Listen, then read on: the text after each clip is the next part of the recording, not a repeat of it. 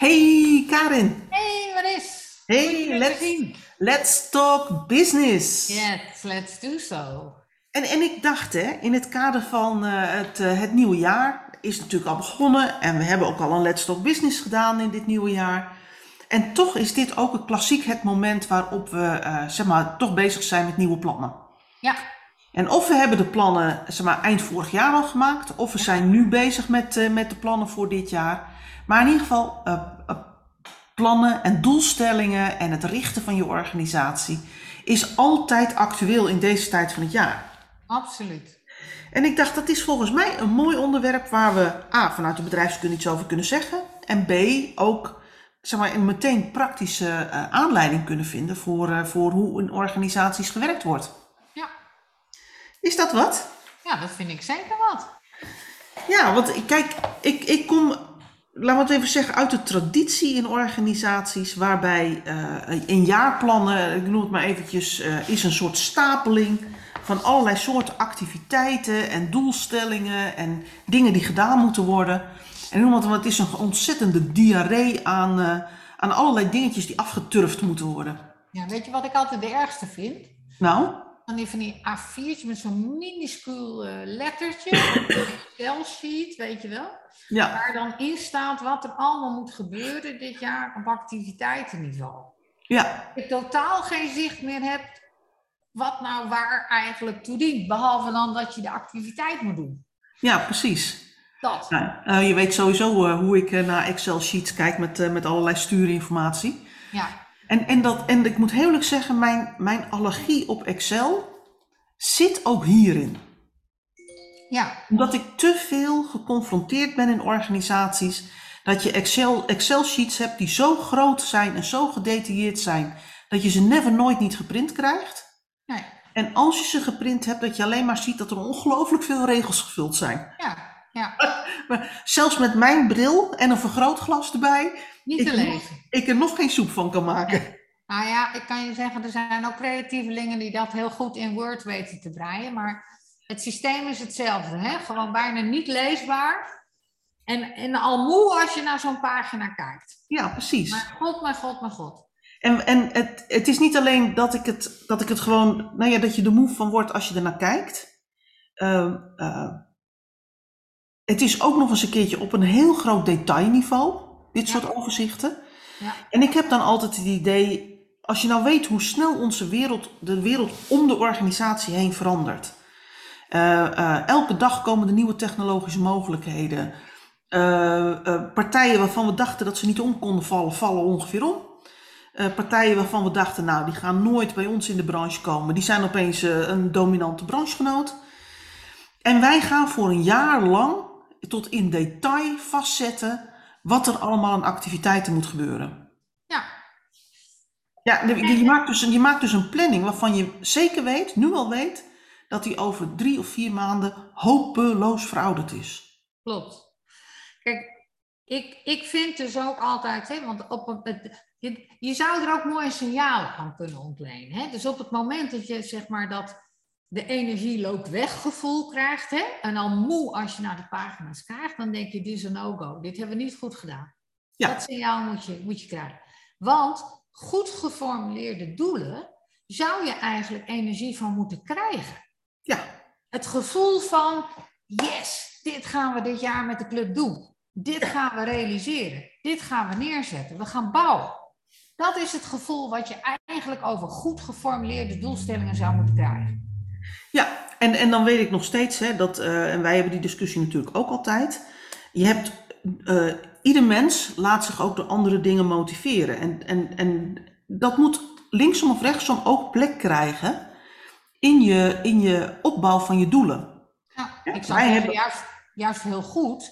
Hè, want je hebt verschillende compet- competenties, maar ook kennisniveaus nodig om vanuit verschillende perspectieven die doelen te realiseren. Ja, precies. En dat, ik vind het ook wel mooi, en dat, en dat komt ook heel erg uh, naar voren in dat, in het, in een, uh, als je leest over bijvoorbeeld Disney. Ja, ik vind Disney gewoon een leuk bedrijf. Uh, Dat, dat maken leuke producten. Ja, Ja, ik ben het stadium van, van een Disney tekenfilm nog niet ontgroeid hoor. Dat geef ik direct toe. Ehm, maar ze zijn ook, ook als in de besturing van een organisatie, doen ze hele mooie dingen. En als je kijkt naar die richtlijnen van Disney over hoe zij sturen, dan zeggen ze ook, eh, eh, je kunt best een lijstje hebben met vijf, vijf echte, echte doelstellingen voor je organisatie. Ja. Maar je moet wel heel duidelijk daarbij aangeven wat de prioriteitsstelling binnen die vijf is. Ja, klopt. En datzelfde geldt bijvoorbeeld ook als je strategische waarden benoemt als organisatie. Hè, van waarden in termen van hoe willen wij binnen onze organisatie werken, hoe, hoe willen wij ons ten opzichte van onze klanten gedragen. Ja. Ook daar moet je als organisatie een prioriteit in stellen. Ja, Het mooie voorbeeld vind ik altijd als je, als je werkt met, met dit principe, is als je bijvoorbeeld zegt van, eh, nou wij willen graag resultaatgericht zijn, hè, want wij willen als organisatie eh, aan het einde van, de, van, van het jaar minimaal eh eh, kiet draaien. We willen eigenlijk minimaal een kleine winst hebben, zal ik maar zeggen. ja, Dus resultaatgerichtheid vinden wij een hele belangrijke eh, waarde in onze organisatie. En we, eh, we vinden eh, maximale waarde voor de klant. Vinden we ook een hele belangrijke waarde bij ons in de organisatie. Ja. Nou, die zet je alle twee neer, hè? die communiceer je aan je mensen. En dan loop je er op een gegeven moment tegenaan dat iemand die binnen je organisatie aan het werk is, bijvoorbeeld op een klantenservice, een keuze moet gaan maken tussen die twee waarden. Want in, in elke organisatie komen situaties voor waarbij je zegt, nou ja, weet je, in het gros van de gevallen is het heel duidelijk, je kunt en het een en het ander doen. En je loopt altijd tegen situaties in waarin er een keuze moet worden gemaakt. Gaan we nou voor die resultaatgerichtheid? Of gaan we voor maximale waarde voor de klant? Exact. Bijvoorbeeld, hè, even als voorbeeldje, de, de klant komt en die eh, komt terug met een eh, bepaald iets wat gekocht is. En dat moet teruggenomen worden, vindt de klant. Ja, Maximale waarde voor de klant is, we nemen het terug. ja, Maximale waarde voor de organisatie is, dit is iets wat wij niet verkopen of niet meer verkopen. Of het is duidelijk gebruikt en, eh, en, en gedragen. We kunnen het niet meer terugnemen, want wij moeten het dan nog, wij, het enige wat wij nog kunnen doen is verschrotten. ja, Niet resultaatgericht, we nemen het niet terug. Wat je eigenlijk wilt voorkomen, wat je, nee, ik moet het de klemtoon anders zeggen. Wat je wilt voorkomen als organisatie, is dat de verschillende medewerkers die in zo'n situatie komen, zelf een keuze gaan maken wat de prioriteit is. exact. Want dan ben je als organisatie niet consistent en congruent. En dat betekent dat je bij het maken van je plannen een hele duidelijke prioriteitsstelling moet zetten. Ja.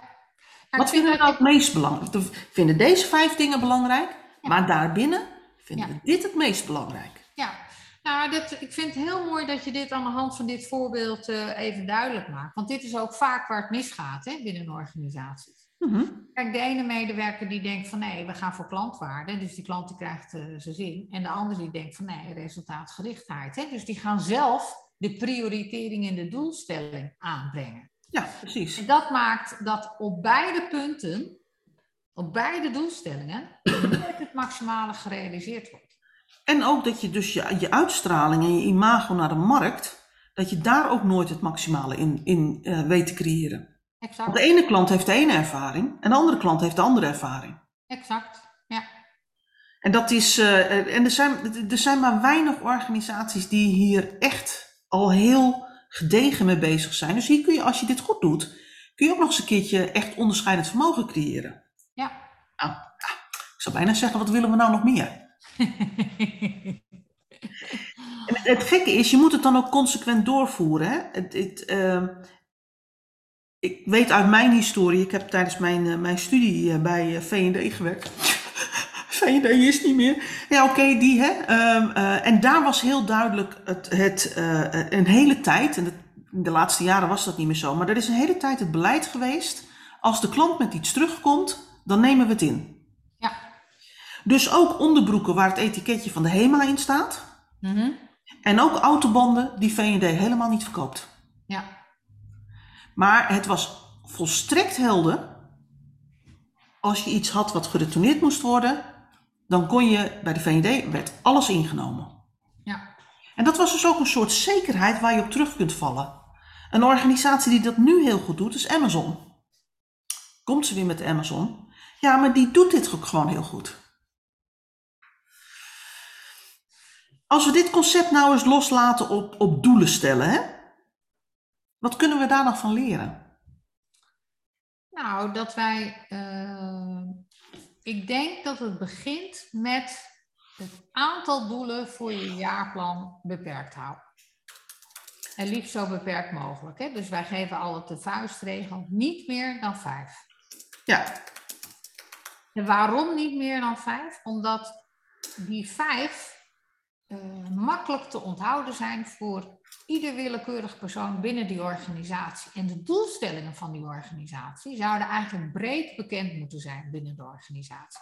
Het is Ja. ook iemand die in de facilitaire dienstverlening zit, zou die doelen moeten kennen. ja, Tweede is dat je binnen die doelen eigenlijk moet onderkennen waar ligt nu de absolute prioriteit? Hè? Wat is nummer twee? En daarnaast, welke doelen zijn randvoorwaardelijk om de, de hoogste doelen te realiseren? Ofwel zijn eh, faciliterend om, eh, om de doelen te realiseren? Zodat je een, een volgordelijkheid ook in die doelen aanbrengt. ja. Ik ben er overigens ook altijd voor om dat gewoon heel zichtbaar te maken. Hè? Van Ja. wat, zijn, wat zijn de hoofddoelen met de prioriteitsstelling erin? Maar ook wat zijn doelen die het te maken hebben met randvoorwaardelijke zaken?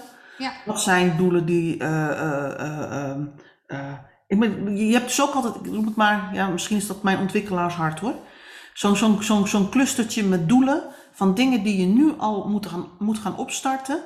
Zodat je over de rand van dit jaarplan voor de toekomst ook stappen zet. ja, Dragen niet direct bij aan de doelen van dit jaar. Waarschijnlijk niet. Maar zijn wel belangrijk voor het voortbestaan van de organisatie op een langere termijn. exact. En dat is met name ook eh, aan de orde als je bijvoorbeeld uh, nou, budgetgedreven organisaties zoals uh, scholen of zorg of overheid, die faciliteren hun afdelingen ook heel erg door middel van een budget. Mm En vaak zie je binnen organisaties dat het budget opgemaakt moet worden, omdat als het niet op is, hè, dan krijg je volgend jaar minder budget. Ja. Ja. Ik heb me daar altijd een beetje over verbaasd, omdat dat niet dus uitgaat van een systematiek van ja, hoeveel geld heb je nu nodig om doelstellingen te realiseren? En als je overhoudt, wat hebben we dan niet gerealiseerd? Ja, En ik vind het wat- altijd. Ik vind en het wat altijd, betekent dat ook voor ons toekomstig bestaansrecht? ja, ik vind het altijd heerlijk, dit soort organisaties. Ja, Met name om in de tweede helft van het jaar eh, zeg maar, eh, eh, rond te lopen.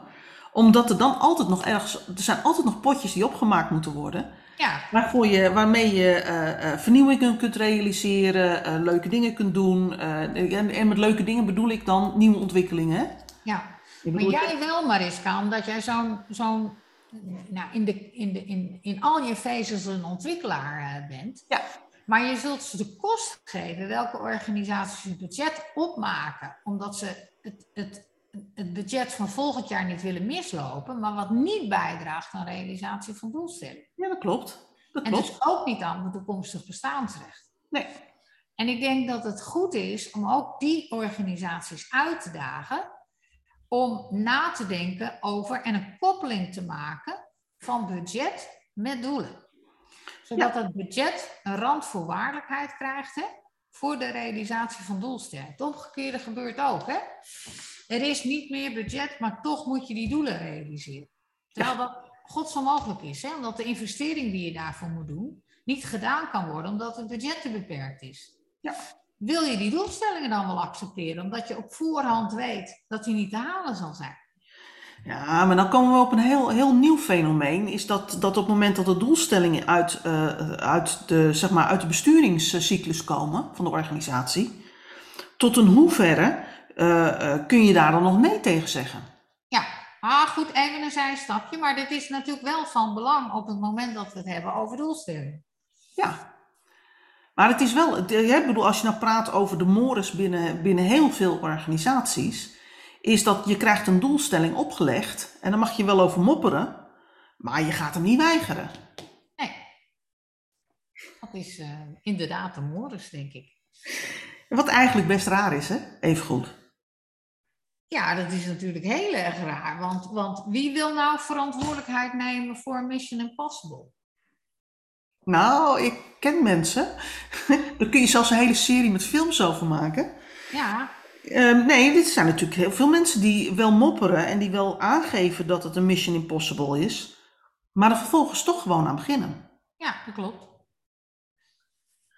En, en overigens daar dan ook geen consequenties van, eh, van dragen. En, en, en om maar even eh, eh, voor te bereiden in hoe wordt er nou geamateurd in, eh, in dit land. Dat is Ja, natuurlijk, hè? Gelukkig niet alleen in dit land, hè? Nee, zeker niet. Daar zou ik ons mee tekort doen. Dat bedoel ik. Want als je het bedrijfsleven bekijkt en je zet het af in een mondiale scope, dan doen we het heel aardig. Maar als je erover nadenkt, en dat doen wij als bedrijfskundigen, dan is dat toch een hele gekke gang van zaken. Geloof jij eigenlijk nog in jaarplannen? Ja, ik geloof eh, zeer zeker in. eh, nou ja, weet je, de jaarplannen aan zich, maar gewoon datgene wat ervoor staat. Hè? Dus dat je, dat je met elkaar, zoals wij ook doen, kijken van ja, wat, wat willen we nou realiseren? Waar zit ons bestaan, zegt? Hoe, hoe maken we een strategische fit? Hoe hebben we dat vertaald? En wat betekent dat voor eh, de doelen die we willen realiseren? Langjarig, maar ook vertaald naar jaarplan. Daar geloof ik echt in. Maar, maar eh, er gaan ook steeds meer stemmen op die zeggen van ja, je zou eigenlijk geen jaarplancyclus moeten hebben, maar je zou een kwartaalplancyclus moeten hebben. Ja, het is gewoon een kortere periode. Feitelijk doe je dat ook met je jaarplan. Je kijkt van wat gaan we in kwartaal 1 realiseren, in kwartaal 2, in kwartaal 3. Kijk, als je zegt van de wereld wordt volatieler, en dat betekent dat je sneller wendbaar moet zijn, ja, heeft er natuurlijk alles voor te zeggen om eh, die volatiliteit wel in je planvorming te betrekken. Hè, dus als dat je vraag is, dan snap ik je vraag. Maar waar het mij om gaat is, en daar is mijn antwoord op gericht, dat, ik, dat de organisatie een richting krijgt en een focus krijgt op het moment dat je werkt met de systematiek van een koers en mijlpalen binnen die koers.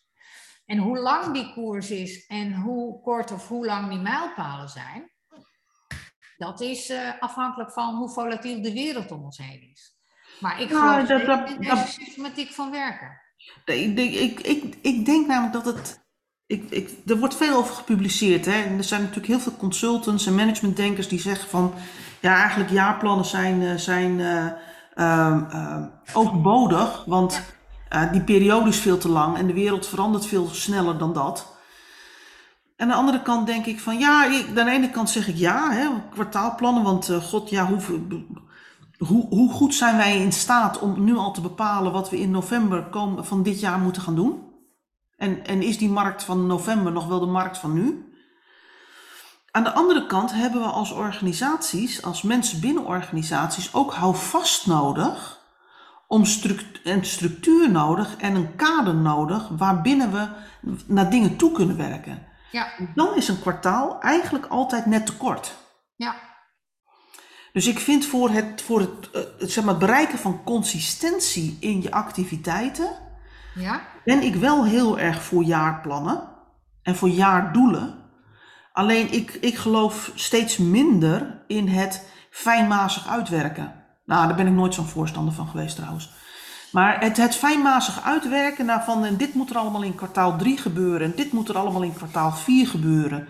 En dat dan lekker dichttimmeren door mensen daar verantwoordelijk voor te maken.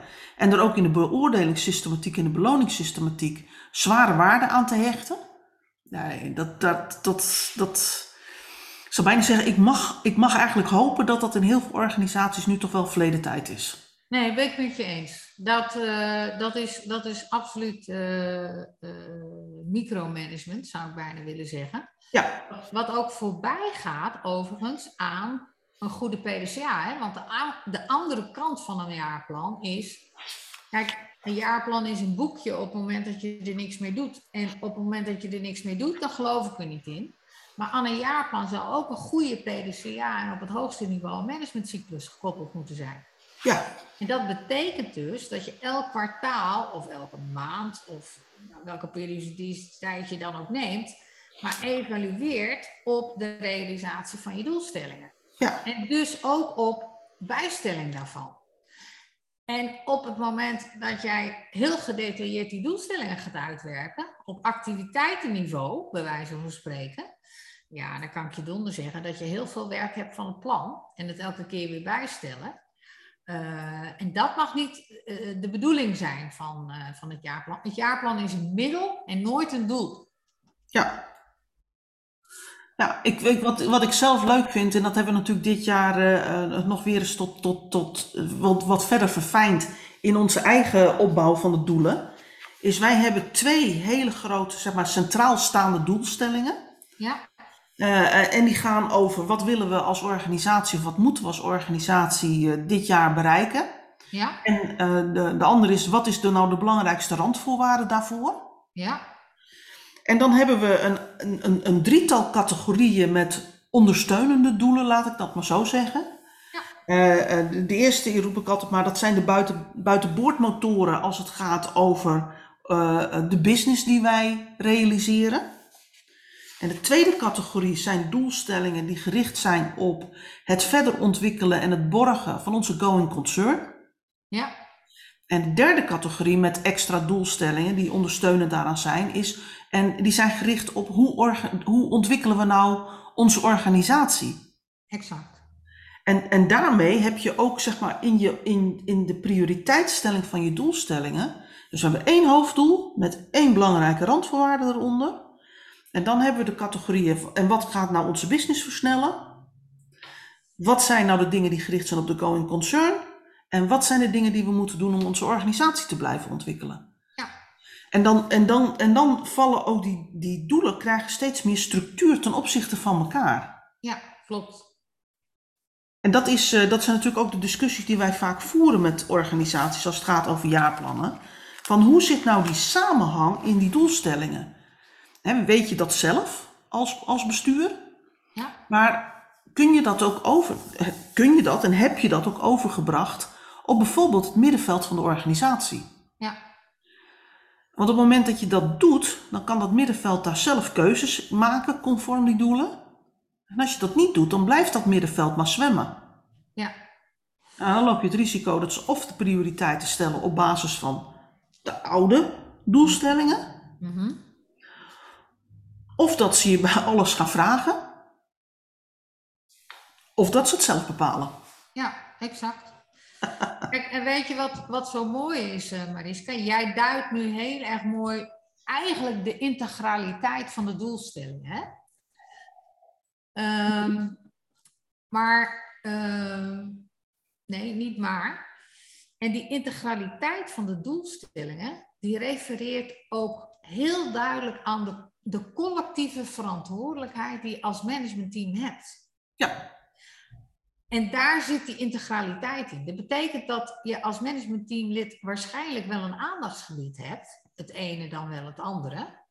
Maar op het moment dat je niet presteert, hè, daarop, wil niet zeggen dat de rest van het, van het MT in de besturing niet verantwoordelijk is. Ja. Hè, want dat, dat ziet op die integraliteit. En daarom zijn die doelen eigenlijk ook integraal met elkaar verbonden. Ja. En heb je die integraliteit ook nodig om de organisatie verder te brengen? Ja. En jij zegt, hè, het is, het is de integrale verantwoordelijkheid van het MT. Ik zou er ook nog wel eens een discussie over willen voeren dat het de integrale verantwoordelijkheid is van alle medewerkers van de organisatie. Nou, dat lijkt me een boeiende discussie, maar dan uh, denk ik dat we aan, uh, aan dit moment even niet genoeg voldoende hebben. Ja, maar, je, maar toch even, even, even heel kort, hè. Uh, natuurlijk, een, een besturing maakt de keuzes, stelt prioriteiten, maakt keuzes conform die prioriteiten en stuurt de organisatie aan. Ja. Maar als je, als, als je in een goed werkende organisatie zit, dan wordt er ook op medewerkersniveau, hè, nog even los van het middenveld, hè. Het middenveld heeft daar een hele belangrijke rol erin. Maar zelfs medewerkers moeten keuzes maken die passen bij de doelen die er staan. Ja. En dat betekent ook dat op het moment dat er signalen komen vanuit de markt, of dat mensen een brainwave krijgen, of een cursus hebben gedaan, of naar een, een seminar zijn geweest, whatever, uh, dat op het moment dat daar ideeën naar voren komen, dat die ook in die organisatie ingebracht kunnen worden, zodat die meegenomen kunnen worden uh, bij, bij nieuwe keuzes. Ja, eens. En dat kan alleen maar als mensen in de organisatie ook dan ook echt weten wat zijn nou onze doelen en hoe, hoe is de samenhang van die doelen ten opzichte van elkaar. Ja, klopt. Ja, want wij kunnen wel zeggen van, joh, wij vinden het uh, hartstikke belangrijk dat we een bepaalde omzet halen. Dat is ons allerbelangrijkste doel dit jaar. En dan, is, dan gaat, er iets, gaat er iets over, komt er een signaal dat gaat over het verder professionaliseren van een bepaalde tak van de organisatie. Ja, ja, het draagt niet bij aan onze doelstelling, want het haalt geen omzet uit. Nee. Dus doen we daar niks mee. Maar als je praat over zo'n zo'n ontwikkelgericht doel, hè, van hoe ontwikkelen we nou onze organisatie verder, als ondersteuning van uh, het halen van een omzetdoel nu, maar ook in de toekomst, dan moet die informatie dus juist wel naar boven komen. Precies. Maar dan blijft het voor individuele medewerkers toch altijd ook wel lastig om prioriteit daarin te kiezen. En dus vandaar ook dat, dat die plannenmakerij en die doelen op het hoogste niveau vertaald worden. Hè? Denk aan Drucker. Uh, naar uh, afdelingsdoelen en naar individuele doelen voor individuele medewerkers. Ja. En, en ik denk dat dat ook goed is, omdat je als individuele medewerker het hele speelveld van uh, die organisatie misschien niet wilt, hè, want je wilt als professional werkzaam zijn op een bepaald gebied, dus niet wilt overzien, maar ook niet kunt overzien vanuit die positie. Daar is nou juist het bestuur voor. Ja, ik, op het moment dat je praat over die grote lappen met activiteitsplanningen, ja. ja. Want dan wil je alleen maar die activiteiten weten waar jij verantwoordelijk voor bent of waar je bij betrokken bent. Maar op het moment dat je een hele duidelijk samenspel en een duidelijke opbouw hebt qua doelstellingen, denk ik dat je die doelstellingen prima breed kunt communiceren. Zodat mensen wel een beeld hebben, de activiteiten waar ik voor opgesteld sta, waar ik verantwoordelijk voor word of bij betrokken ben, passen zo binnen het grotere geheel. Ja. Ik bedoel, ik zou, ik zou niet tot op detail alles willen weten van wat er in een andere afdeling al aan activiteiten loopt en hoe het daarmee gaat en waar ze Nee, maar vanuit, vanuit dat perspectief uh, ben ik het met je eens. Je moet wel weten hoe jouw activiteiten passen in het grote geheel, omdat je binnen jouw activiteiten ook de juiste prioriteiten weer moet kunnen kiezen. Ja, precies. En dat is natuurlijk wel belangrijk. Vandaar ook dat we zeggen op het hoogste niveau, en die vijf doelstellingen, hè, maximaal, moet voor iedereen gewoon wel goed helder zijn. En stel nou, hè, je, bent, uh, je bent, het jaar is al begonnen, dus uh, je roept van, nou, dat is lekker, dan gaan ze het nu hebben over doelstellingen, en wij zijn al, al klaar. Uh, en, en we hebben geen, als organisatie geen vijf doelstellingen gesteld, maar we hebben er tien of vijftien. Ja. Wat zou je dan moeten doen? Nou, dan zou, je, zou, zou ik wel kijken van ja, wat is nou binnen die 15, waar ligt nou de prioriteit? 15 vind ik al lastig te onthouden. Welke doelstellingen hebben we voor dit jaar? Hè? Dus het reproduceren van die doelstellingen is, is een belangrijk iets. En het internaliseren van die doelstellingen is een belangrijk iets om ook de prioritering juist te hebben. Uh, ja, wat je volgens mij ook zou kunnen doen, is, is in die 15 kijken van wat, wat zijn nou de echte kerndoelstellingen? En wat zijn nou doelstellingen die juist in die andere categorieën vallen? Hè? Dus ik noem maar eventjes uh, de buitenboordmotoren. Wat, gaat, wat, wat is gericht op de going concern? En wat is gericht op organisatieontwikkeling? Ja, precies. Want waarschijnlijk heb je dan, dat mag ik hopen tenminste, in die 15, uh, zeg maar zo'n soort opsomming van dingen die eigenlijk onder verschillende, onder verschillende kopjes zouden moeten vallen. Het is altijd spannend zo'n begin van het Ja, doe maar. Ja, maar dan nog uh, moet je als individuele medewerker wel ergens weten van ja, voor, waarvoor sta ik nu eigenlijk opgesteld, hè? Tuurlijk. Is dat voor de, voor de uh, development goals, hè? wat veel meer ziet ook op een toekomst? Uh, of sta ik veel meer opgesteld voor de going concern doel? Ja. Dat is wel belangrijk. Ja, dat is zeker belangrijk. Zeker belangrijk. Ik, ik denk dat we nog heel veel meer over planningen en doelen gaan praten eh, de komende, nou ja, maanden, jaren. Want dit is misschien wel een van de, van de, de, de, de kernen die maken of je als organisatie wel of niet effectief kunt werken. Ja, en vaak willen we als organisatie te veel. Oh ja, dat is ook nog belangrijk. En dat is belangrijk. En dat is belangrijk. En terwijl juist de focus van de organisatie op een beperkt aantal hoofddoelen.